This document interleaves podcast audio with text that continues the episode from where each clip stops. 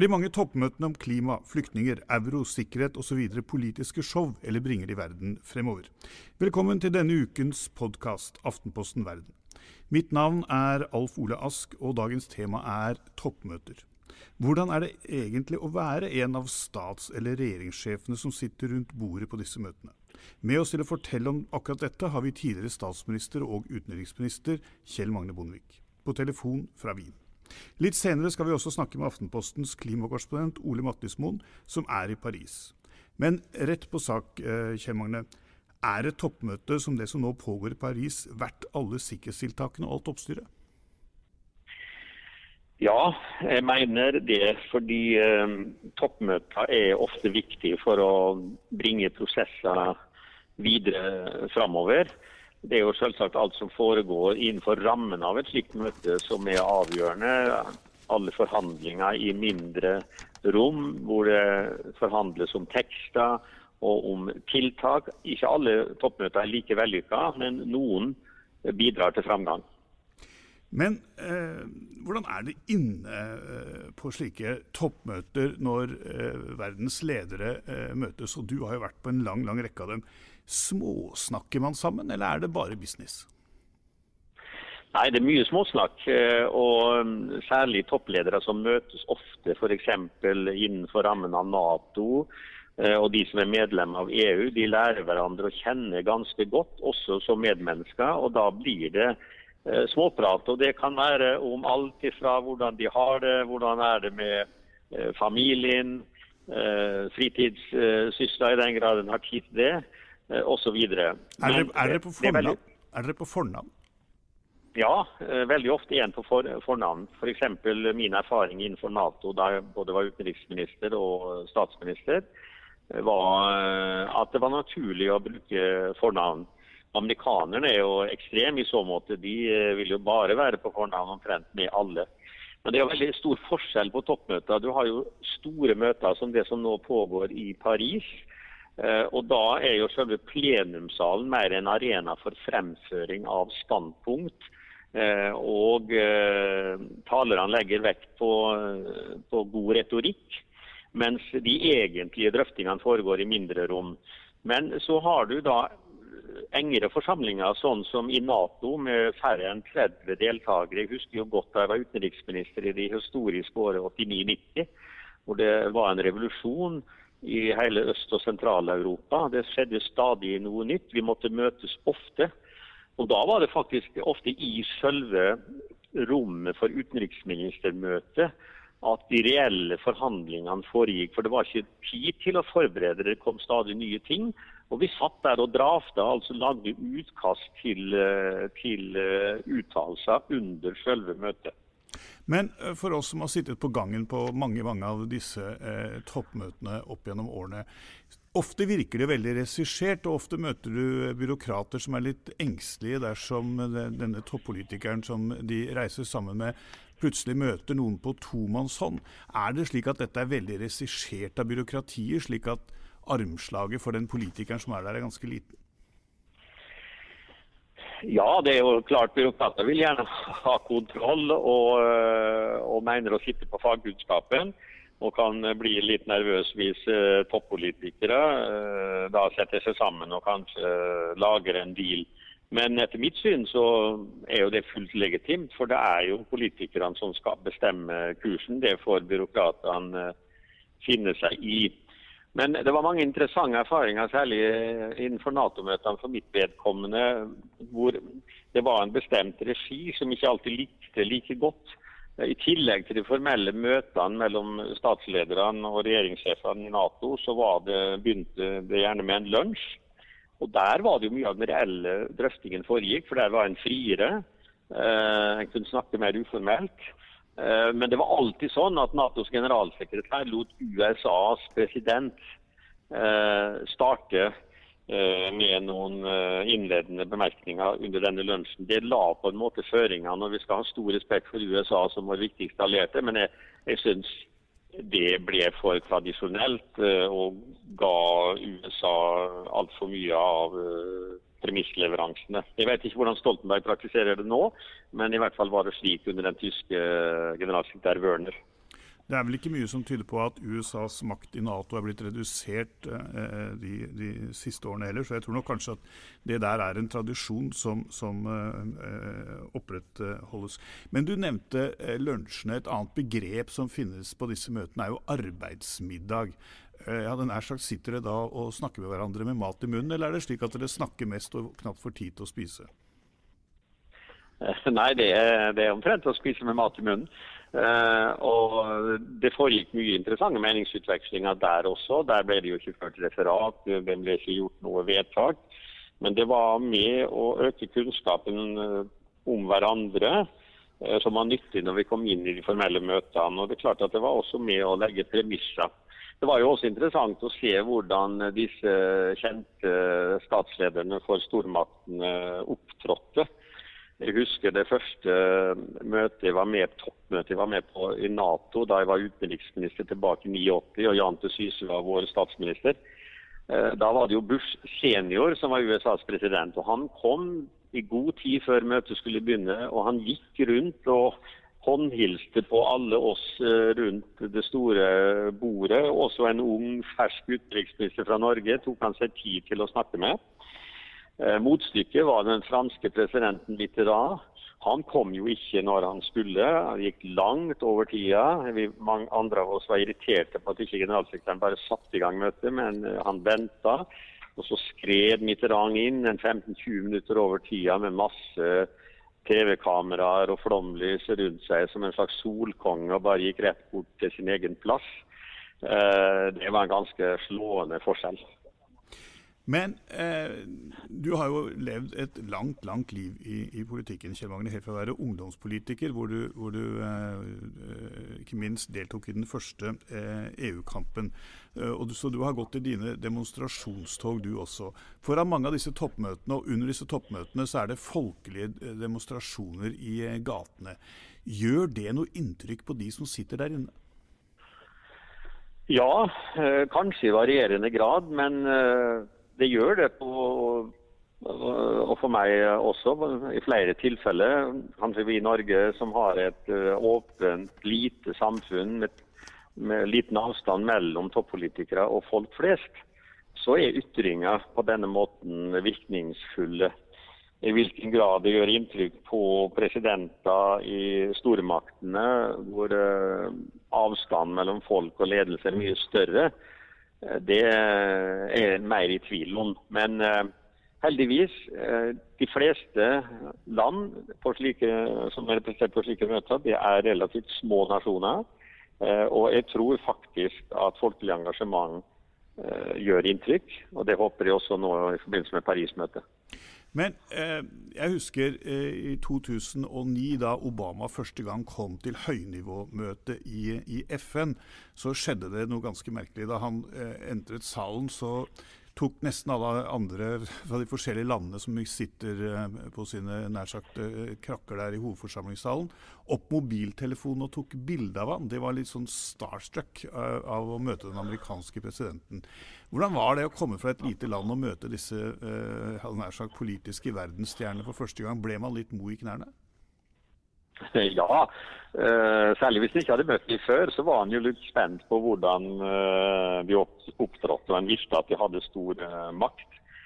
Men der var disse topplederne veldig forskjellige. Som vi nevnte eksempel på med Bush senior som en jovial og hyggelig mann som ikke gjorde faktisk forskjell på ledere fra store og små land. Og over til den franske presidenten som åpenbart solte seg i, i glansen. Eh, den sosiale intelligensen var veldig ulikt fordelt mellom disse topplederne. Noen hadde evne til å kommunisere, og eh, vi fikk tillit til dem. Andre hadde ikke det på, på samme måten. Kan du gi noen eksempler? Bortsett fra Mitterrand, ja. Bill Clinton var jo suveren. Uh, han har en både intelligens og sosial intelligens som overgår de flestes. Han hadde en egen evne til å møte den enkelte av oss og føle at vi var, selv om vi kom fra lille Norge, de viktigste i verden akkurat nå. Eh, så eh, det, og Nelson Mandela, som vi hadde gleden av å treffe i noen sammenhenger, eh, han sto det en sånn spesiell aura rundt. Det var uforklarlig, men han hadde en utstråling. som var veldig spesiell. Men de kom nærmest innpå og utvikla et slags vennskap med. Det var nok en del eh, ledere fra mer likesinnede land. Jeg husker vi fikk et veldig godt forhold til, eh, til eh, statsminister Balkenende i Nederland, til forbundskansler Schrøder i Tyskland, til statsminister Kretien i Canada, og med de to siste også selvsagt mye fordi vi inntok samme standpunkt mot krigen i Irak. Så vi var i et slags skjebnefellesskap, et politisk fellesskap. Men når du representerer et lite land som Norge, fem millioner eh, mennesker eh, klemt oppe på en kyststripe nær Nordpolen, eh, hva skal til for å få innflytelse i denne type store møter? F.eks. som når, når eh, mer enn 100 land møtes i Paris? Jeg tror jeg tør si at Norge, vår lille lands størrelse, til tross faktisk har en relativt stor innflytelse. Det henger sammen med flere forhold. For det første har vi tillit spesielt i den fattige delen av verden, for vi har ingen koloni her i fortid. Vi er ikke redd. Introducing Wondersuite from Bluehost.com. Website creation is hard. But now with Bluehost, you can answer a few simple questions about your business and get a unique WordPress website or store right away. From there, you can customize your design, colors, and content. And Bluehost automatically helps you get found in search engines like Google and Bing. From step-by-step guidance to suggested plugins, Bluehost makes WordPress wonderful for everyone. Go to bluehost.com/wondersuite.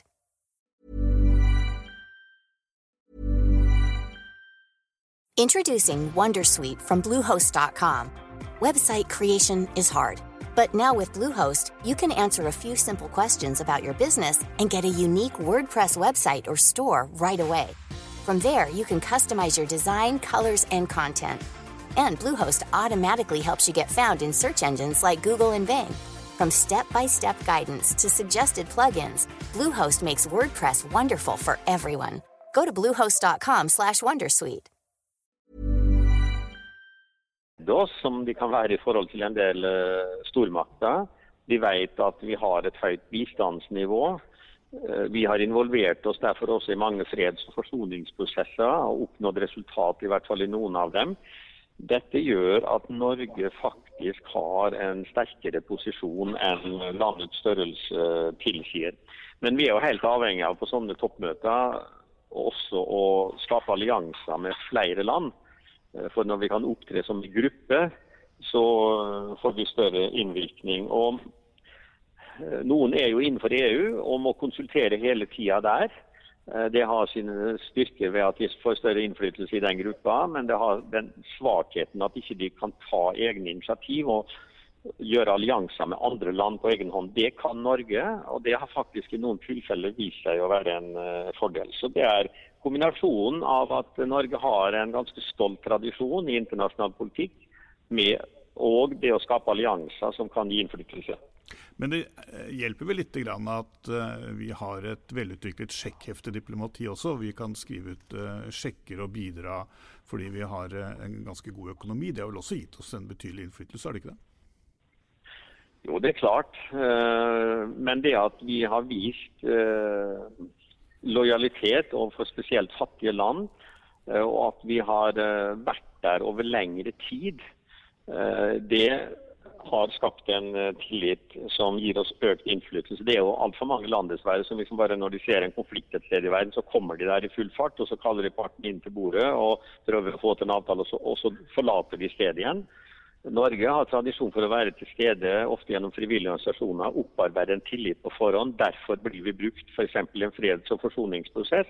Og så blir vi der etterpå, eh, også ved utviklingsmidler for å hjelpe landet videre framover og bevare en fred. Det har gitt eh, Norge en posisjon.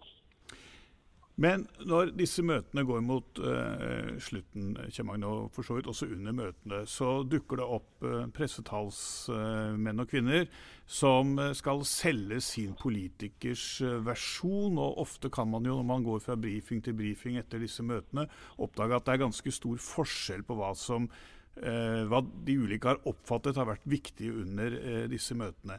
Hvor eh, velregissert og planlagt er det når man skal eh, spinne sin versjon, som det heter? Jo, det legges en god del arbeid i. For det er klart eh, alle land og, og de politiske lederne er interessert i å få best mulig, eh, et mest mulig omdømme etter et slikt møte. Både internasjonalt, men også på hjemmebane. Så, så, det er klart at kommunikasjonsrådgiver og kommunikasjonsavdelinga jobber. Men hvis en beveger seg på kanten av sannheten, for ikke å si strid med den, når en skal selge ut hva en har gjort og oppnådd, så vil en fort bli avslørt. Eh, fordi at eh, det er klart Dette kontrolleres jo av de andre land. Eh, de snapper opp hva som blir sagt i Norge. Og skulle noen der ikke være troverdig i forhold til hva som faktisk skjedde, så vil en bare bli svekka. Så, og, og få en redusert innflytelse i neste omgang. Så det tror jeg ingen er interessert i. En uh, vil gjerne selge ut det en har gjort, men uh, en må holde seg innenfor sannhetens rammer. Nå driver jo du på en måte litt som sånn privatpraktiserende utenriksminister i, i, i form av, av, av ditt eh, fredssenter.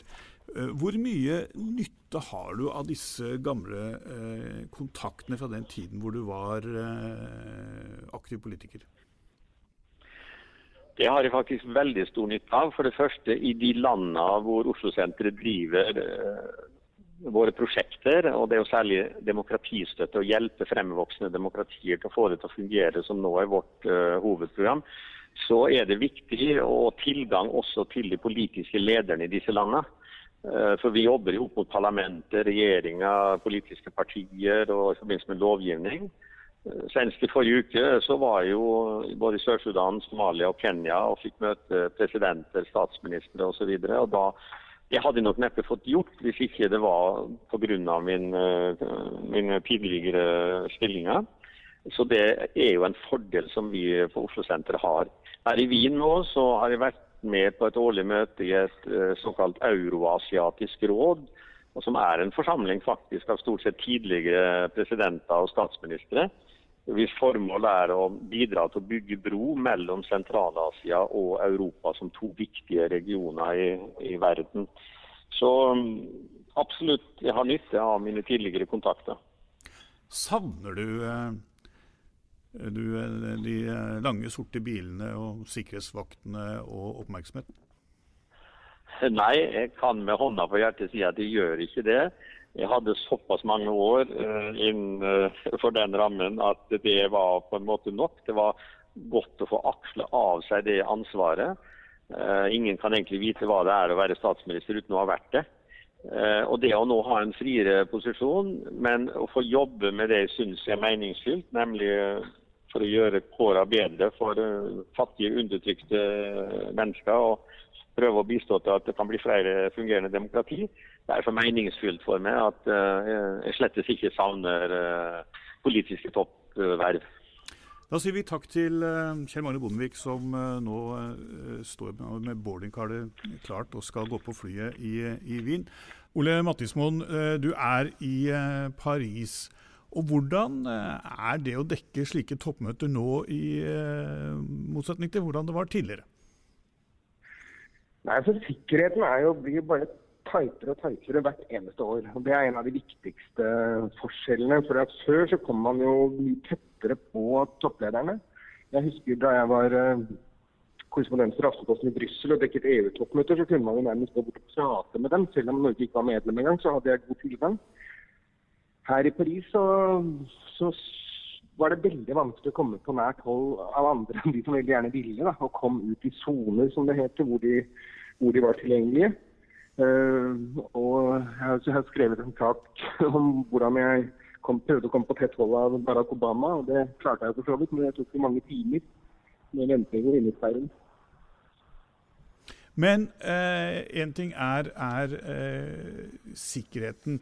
Eh, ved dette eh, toppmøtet, som også etter terroren for, for eh, to uker siden jo er, er mye høyere. Men er det ikke også litt slik at disse prosessene er så store i seg selv at de er vanskelig å overskue, og kan man liksom si at disse bringer verden fremover? Ja, Det vil jeg helt klart si. Det, jeg vil helt klart si at det er viktig at toppledere møtes og snakkes om sånne problemstillinger som klimaendringer. Fordi at De gir med sin, sin blotte tilstedeværelse veldig klare signaler. Men så kan man jo ikke sant, om at dette skal prioriteres, dette er viktig.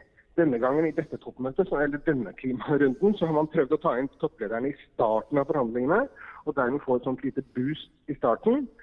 Eh, men topplederne var ikke mer enn reist fra Paris som tirsdag før forhandlingene stokket seg fullstendig til. Og det syntes som om alle hadde glemt de fine, vakre ordene fra både Obama, Putin og Xi og Erna Solberg.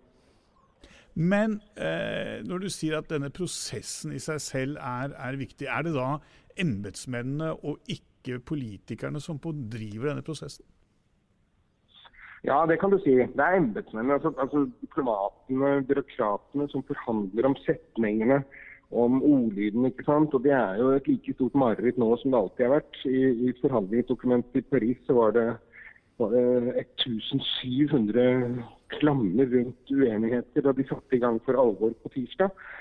Det er byråkratene som må løse opp i dette, men samtidig så er det viktig at de har politiske signaler om hvor langt de kan gå, selvsagt. Men når... og Derfor er det flere land som har ministre her hele tiden, som kan liksom gi signaler om at OK, nå må du gi deg på det, nå må du gi deg på det. Eh, for hvis ikke mange gir seg veldig mye, så blir det ingen avtale. Men eh, når avstanden mellom eh, deg som skal dekke dette, og politikerne nærmest øker for, fra toppmøte til eh, toppmøte, er det ikke da en fare for at eh, det er spinndoktorene som på en måte styrer dette, og at dere journalister blir et slags offer for, eh, for dette? Jo, det kan du godt si hvis politikerne hadde vært våre viktigste kilder, men det er det jo ikke. Det er forhandlerne, det er uh, folk som er med inne i forhandlingene, som på en måte er mine riktigste kilder. Det er ikke stats- og regjeringssjefene. Uh, og som jeg sa tidligere, de norske, norske politikerne gjør seg veldig tilgjengelige. Altså de Eh, jeg som norsk journalist har større tilgang til norske politikere på sånne toppmøter enn det jeg har til norske politikere til hverdags hjemme. Det er faste møtetreff én-to ganger om dagen. Og man får spørre om hva man vil, både uh, on the record, som det heter, så vi kan sitere, og off the record. Så du eh, mener at det er viktig for også alle disse hundrevis av journalistene som har kommet til Paris, å være der og sitte på gangen og snakke med disse eh, forhandlerne?